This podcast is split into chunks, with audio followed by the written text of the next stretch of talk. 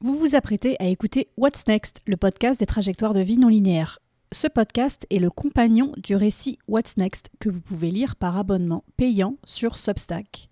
Merci aux abonnés qui rendent possible ce projet. Rendez-vous sur whatsnextmathilde.com pour rejoindre l'aventure et soutenir mon travail. Je m'appelle Mathilde Piton et vous écoutez le quatrième épisode de What's Next des trajectoires de vie non linéaires. Dans cet épisode, je reçois Julien Ségol, qui est chanteur lyrique. Full disclaimer, Julien et moi, on est amis de longue date, car on a commencé nos études ensemble il y a déjà 20 ans. Vous allez me dire, mais Mathilde, tu n'es pas devenue comme Julien, chanteuse d'opéra? Eh bien non, on a fait nos études ensemble, mais nos chemins ont divergé. Cette semaine et la semaine prochaine, dans les récits 7 et 8 de What's Next, je raconte mes propres études, ce que j'ai fait, où je les ai faites, les questionnements au fil de l'eau, ce qui m'a guidé, ce que j'ai évité de faire, et où j'imaginais que ça me mènerait. Et puis, ce que j'en pense aujourd'hui, avec du recul, regret ou pas. On entend souvent dire, ou en tout cas j'ai souvent entendu dire que les études, c'était la meilleure partie d'une vie. Ce que je trouve assez tragique quand on pense que ça dure que quelques années, au début de la vingtaine, tout ça, je le raconte dans mon récit What's Next, auquel je vous invite à vous abonner. Je mets toutes les infos en note de cet épisode. S'abonner au récit, c'est recevoir tous les vendredis un nouvel article dans votre boîte email. C'est le journal de bord de mon questionnement professionnel. Et puis, s'abonner dans une formule payante, c'est aussi ce qui rend possible ce projet, y compris ce podcast. Si les sujets que j'aborde vous intéressent, vous touchent, vous font sourire, réfléchir, ou même, je sais pas, vous donne envie de devenir vous aussi chanteur d'opéra, eh bien venez soutenir mon travail en vous abonnant sur la plateforme Substack. Je mets toutes les infos en note du podcast et sur le compte Instagram What's Next Mathilde? Dans cet épisode de podcast avec Julien Ségol, on discute de comment on ose se lancer dans une carrière d'artiste, de musicien en l'occurrence. Quand est-ce qu'on se dit que c'est plus qu'une simple passion et qu'on pourrait en vivre? Dans ma conversation avec Julien, il sera question de légitimité à se présenter comme artiste. Il sera aussi question d'argent, d'objectifs et de potentiels regrets. Ce podcast est organisé en trois temps. D'abord, ma conversation avec Julien Ségol, chanteur lyrique, puis je vous retrouve pour un débrief ou une sorte de ce que je retiens de la conversation. Et enfin, on terminera par la rubrique dans mes DM Instagram. J'aurais pu demander à Julien de le chanter, mais je sais pas, je trouve qu'il y a quand même un truc dans, dans, ce que je fais, il y a quelque chose. Allez, place à Julien et à notre conversation. Je voulais d'abord retracer ton parcours universitaire et le début de ta vie professionnelle. Et je voulais voir en fait comment nos deux parcours, ils ont commencé pareil, mais ils n'ont pas du tout fini euh, au même endroit. Hmm. Et je vais donc retracer ta, ta, vie. Tu me reprends si je me trompe. On s'est rencontrés, on s'est rencontrés en classe prépa en 2002, en Cagne, à Toulouse. C'était facile de te repérer parce que tu étais euh, l'un des rares mecs dans cet univers majoritairement féminin. en, plus, tu étais sympa. Euh, on devient copains. Et quelques années plus tard, on se retrouve en Italie. Cette époque, est en stage à l'ambassade du Vatican à Rome. Et moi, je fais Erasmus à Bologne. Ouais. On a fêté le Nouvel An 2007 sur les marches de la place d'Espagne à Rome ensemble. C'était génial, je m'en souviens. Sur la coupole de Saint-Pierre. Ça, c'était le 1er janvier. Ah oui, c'est vrai. L'année suivante, on se retrouve à Paris. Toi, tu es à Sciences Po et moi, je fais un master dans l'édition. Et on mhm. hang out. On part même en vacances en Inde. Vacances notoires où on a failli rentrer euh, plus amis. Bredouille. c'est vrai. Pendant ton cursus universitaire, tu suis des cours de chant tu... au Conservatoire de Paris.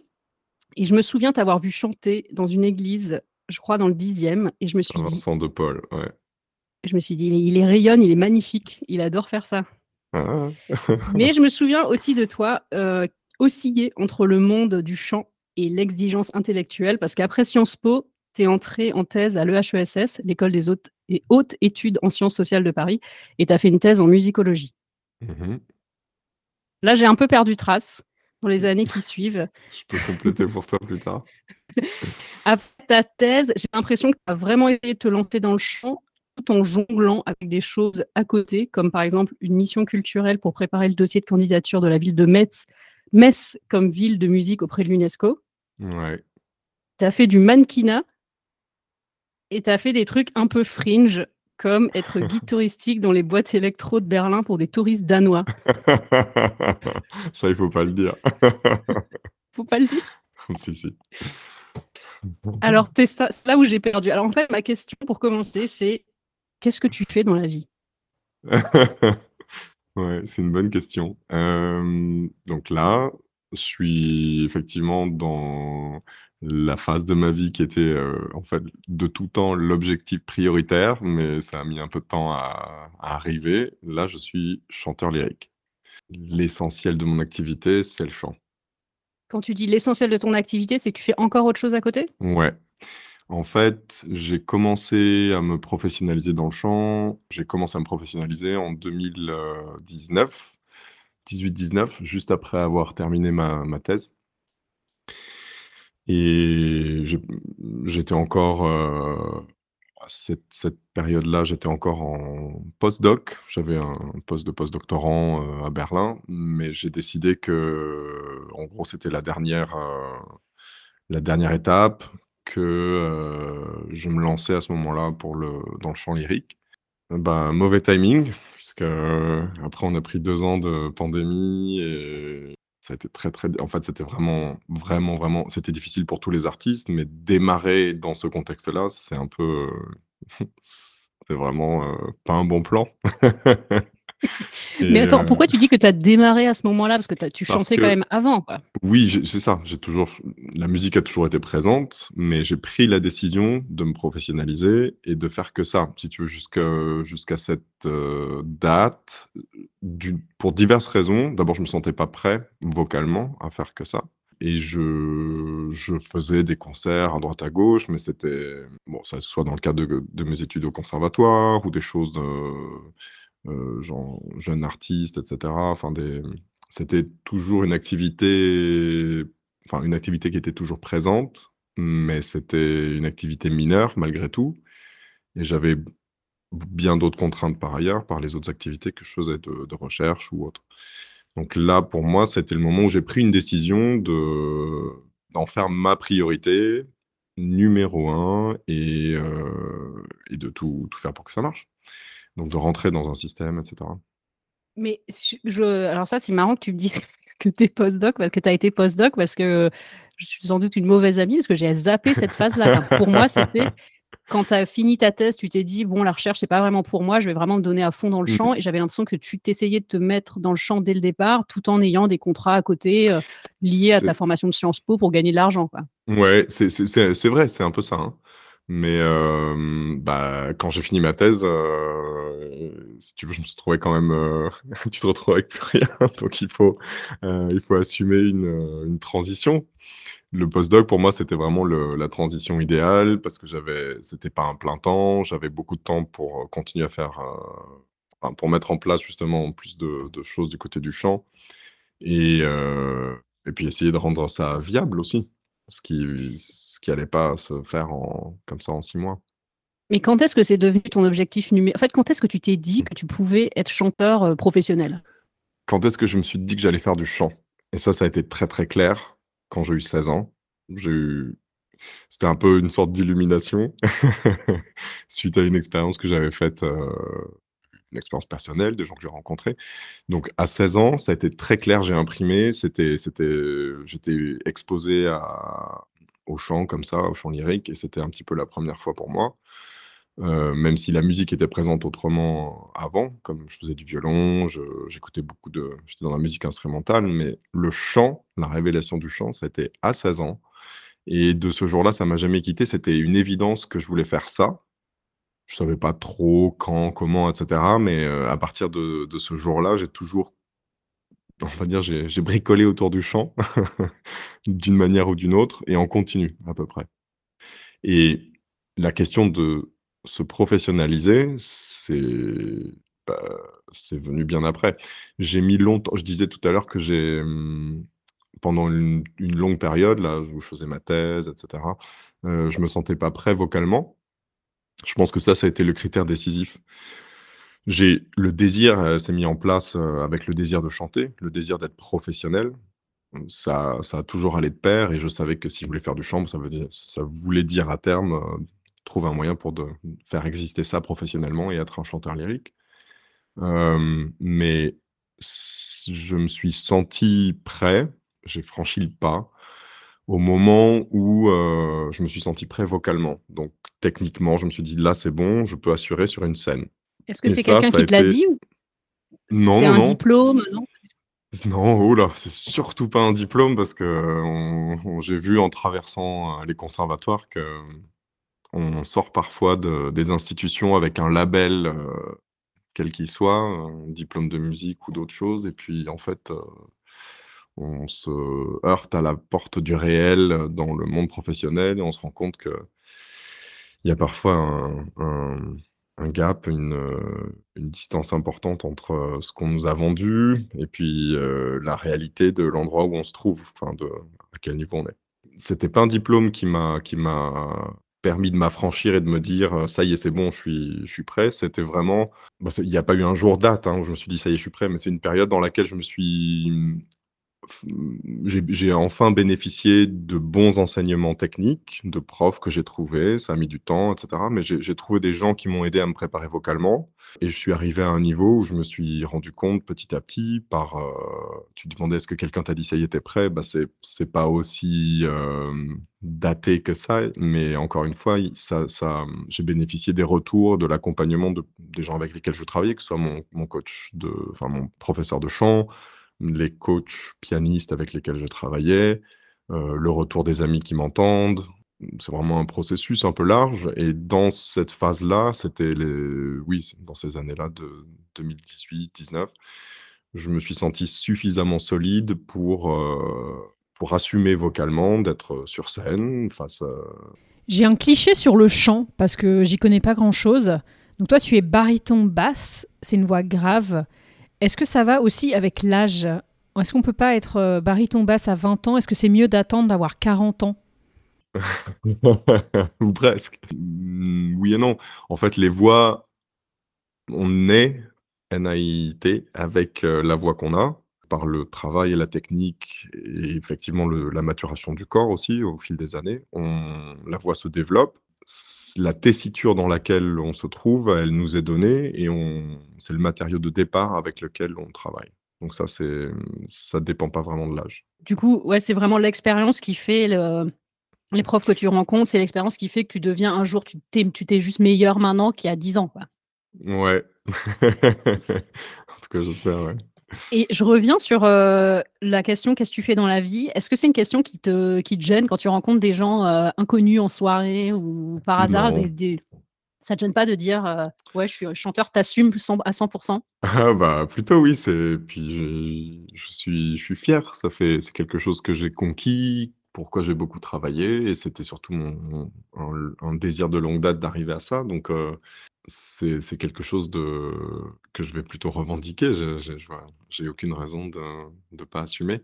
En revanche, heu, il y a eu une période où je naviguais un peu en eau trouble quand j'étais être, heu avoir un pied dans, heu, l'académie, l'université ou d'autres, jobs que j'ai pu faire et un autre pied dans la musique. C'est pas toujours évident effectivement.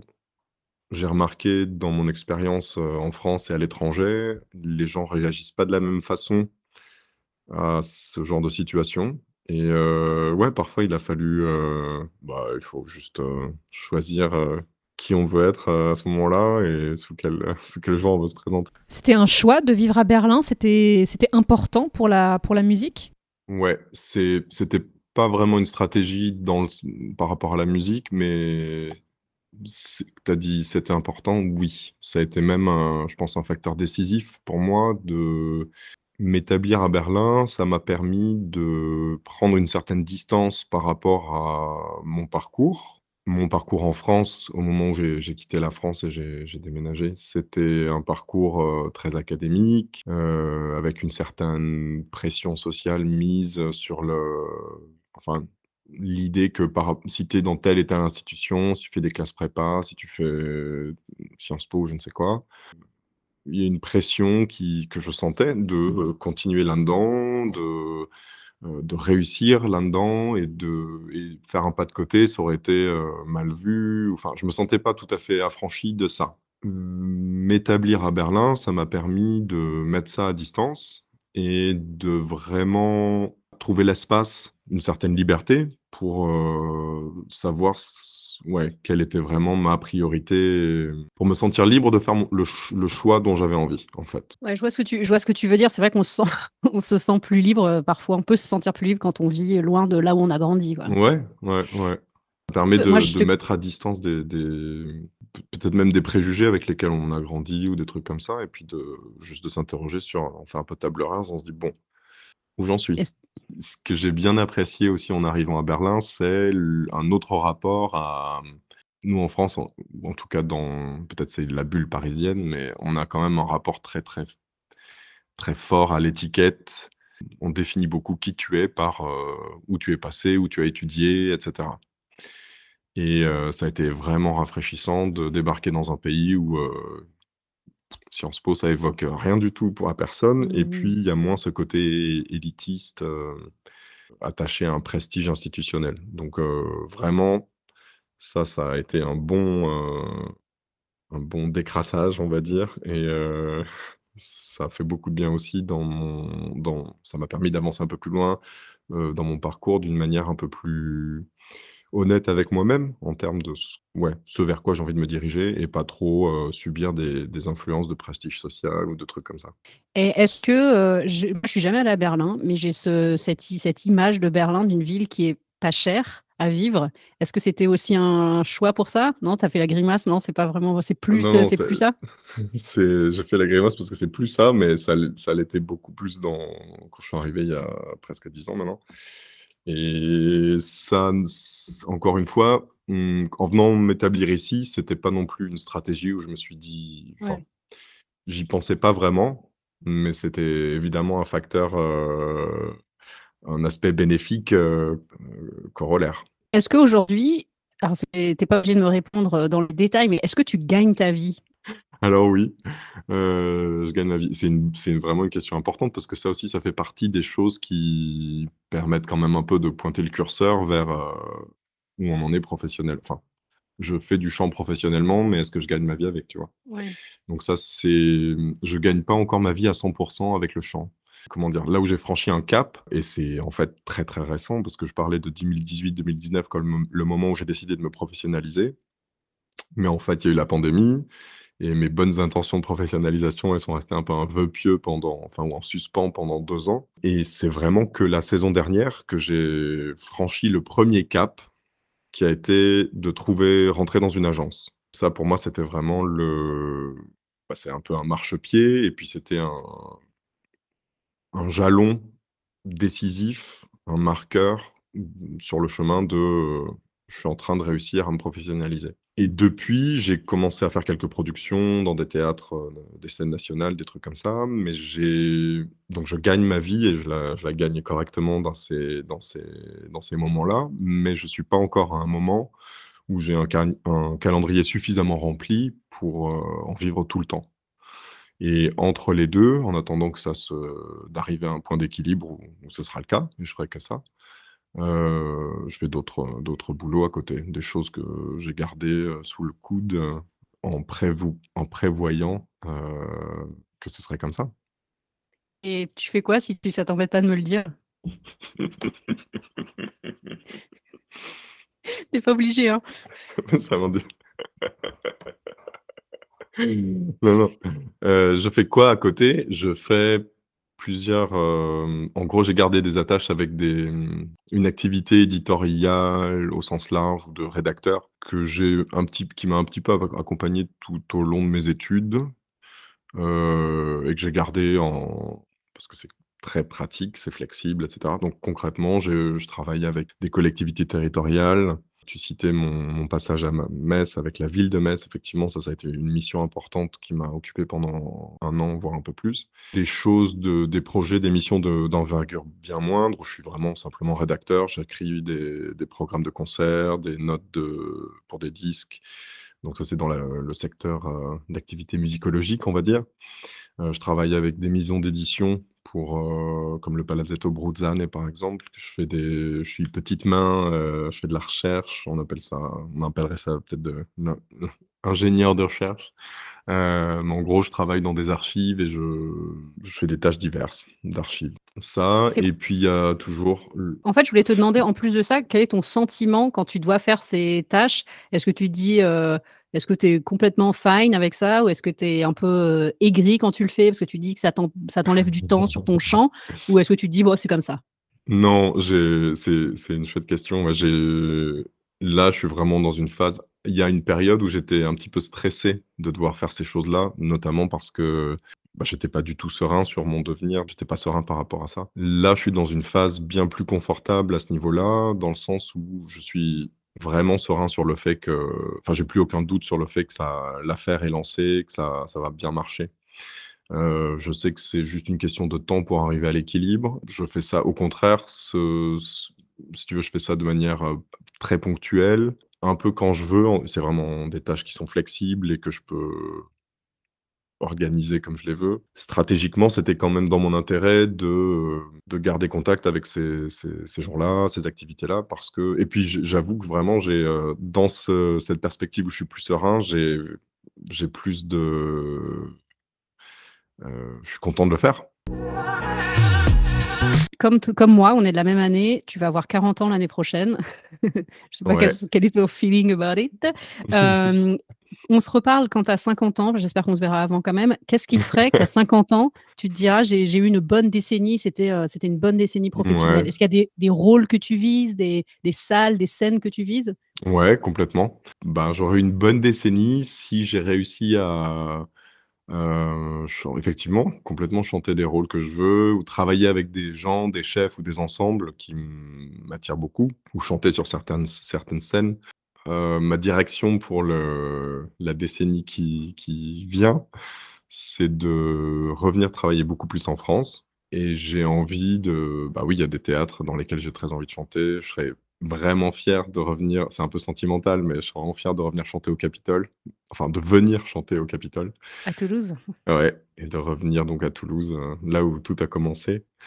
Heu et puis aussi parce que c'est une très chouette scène.